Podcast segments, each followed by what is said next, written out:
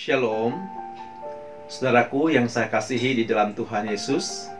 Jumpa lagi di dalam GKM Menyapa pada hari ini. Firman Tuhan pada hari ini terambil dari Yosua pasal 1 ayat yang ke-9. Demikian firman Tuhan. Bukankah telah kuperintahkan kepadamu, kuatkan dan teguhkanlah hatimu. Janganlah kecut dan tawar hati, sebab Tuhan Alamu menyertai engkau ke mana pun engkau pergi. Demikian firman Tuhan. Saudaraku yang saya kasih dalam Tuhan, pada tahun 80-an, waktu kami masih pemuda, satu hari eh, beberapa kami dari pemuda ingin mendaki ke Gunung Kelabat. Saudara-saudara, untuk mendaki ke Gunung Kelabat itu bukan suatu pendakian yang mudah.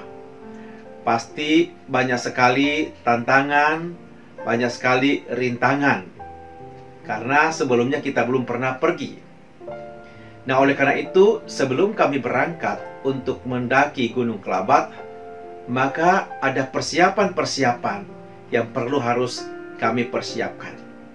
Baik itu mempersiapkan secara mental agar supaya tubuh ini harus kuat, harus sehat. Nah, itu yang perlu kami persiapkan. Karena tidak mungkin kita bisa mendaki Gunung Kelabat dengan kondisi tubuh yang lemah, yang tidak kuat, yang tidak sehat. Nah, sudah tentu untuk bisa memiliki kondisi yang kuat, nah perlu makanan, ya, perlu juga minuman, entah itu juga perlu vitamin supaya kita mampu melakukan pendakian ke Gunung Kelabat tersebut. Nah, saudara-saudaraku yang saya kasih dalam Tuhan, nah setelah persiapan semua itu, maka kami siap untuk mendaki.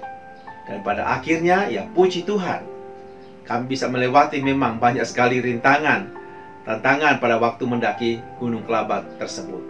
Namun bersyukur kami bisa sampai ke puncaknya dan juga bisa turun juga dengan selamat. Saudara-saudaraku, perjalanan hidup kita sebagai anak Tuhan seperti itu. Seperti kita mendaki ke Gunung Kelabat. Namun kita belajar daripada kitab Yosua bahwa perjalanan kita seperti perjalanan memimpin orang Israel menuju ke tanah Kanaan yang dipimpin oleh Yosua. Bahwa perjalanan ke sana pun banyak rintangan, banyak kesulitan, banyak tantangan. Namun bagaimana pada akhirnya Yosua mampu menghadapi semua rintangan, tantangan kesulitan di dalam perjalanan memimpin umat Israel sehingga dia bisa merebut kota Yeriko, bisa melintasi sungai Yordan, bisa merebut musuh-musuhnya di tanah Kanaan dan mereka tiba di tempat tujuan yaitu di tanah perjanjian tanah Kanaan. Rahasianya karena Yosua tetap mempercayai Allah yang berfirman bahwa aku menyertai engkau. Aku tidak membiarkan engkau. Aku tidak akan meninggalkan engkau. Saudara-saudaraku, bukan hanya janji penyertaan Tuhan yang dipercayai, diimani oleh Yosua, uh, tetapi juga bagaimana Yosua mempersiapkan diri dengan baik umatnya supaya mereka harus tetap kuat, harus teguh menghadapi setiap rintangan yang ada agar mereka tetap uh, berpengharapan kepada Tuhan di dalam perjalanan tersebut. Seperti firman Tuhan dikatakan tadi, agar mereka jangan kecut, jangan tawar hati. Pada waktu mungkin mereka menghadapi rintangan, menghadapi musuh-musuh yang ada, harus meyakini bahwa Tuhan selalu ada bersama dengan mereka. Maka perlu Yosua mempersiapkan umat Tuhan bagaimana menghadapi situasi, kondisi yang sulit Itulah sebabnya sehingga mereka bisa menembus setiap rintangan, setiap kesulitan karena Yosua mempersiapkan umat Israel menghadapi semua itu. Dan dikatakan di sana firman Tuhan mengatakan jangan lupa memperkatakan hukum ya Taurat.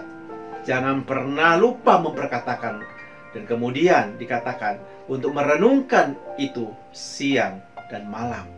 Saudara-saudaraku, Jadi rahasianya bisa menembus setiap rintangan. Firman Tuhan mengajak kepada setiap kita, yaitu untuk selalu apa? Untuk selalu memperkatakan firman Tuhan. Atau yang kata lain, itu firman Tuhan itu selalu ada di hati setiap kita. Firman Tuhan itu selalu direnungkan, dipikirkan siang dan malam. Itulah kebenaran firman Tuhan yang menuntun mereka sehingga mereka tidak pernah menyimpang ke kiri atau ke kanan pada waktu diperhadapkan dengan rintangan kesulitan namun terus mereka memandang kepada Tuhan yang telah memimpin menyertai mereka bahkan berjanji kepada mereka sehingga saudara-saudaraku karena keyakinan itulah melalui firman Tuhan yang mereka renungkan yang mereka baca mereka ada kekuatan daripada Tuhan. Mereka ada kekuatan menjalani perjalanan sekalipun banyak tantangan dan kesulitan. Bagaimanakah dengan kita, saudara-saudara? Kita tidak tahu perjalanan hidup kita di tahun 2021 ini. Apakah mungkin lebih sulit daripada tahun sebelumnya? Kita tidak tahu. Nah, mari kita berjalan mendaki perjalanan kita menyelusuri perjalanan kita sepanjang tahun 2021 ini.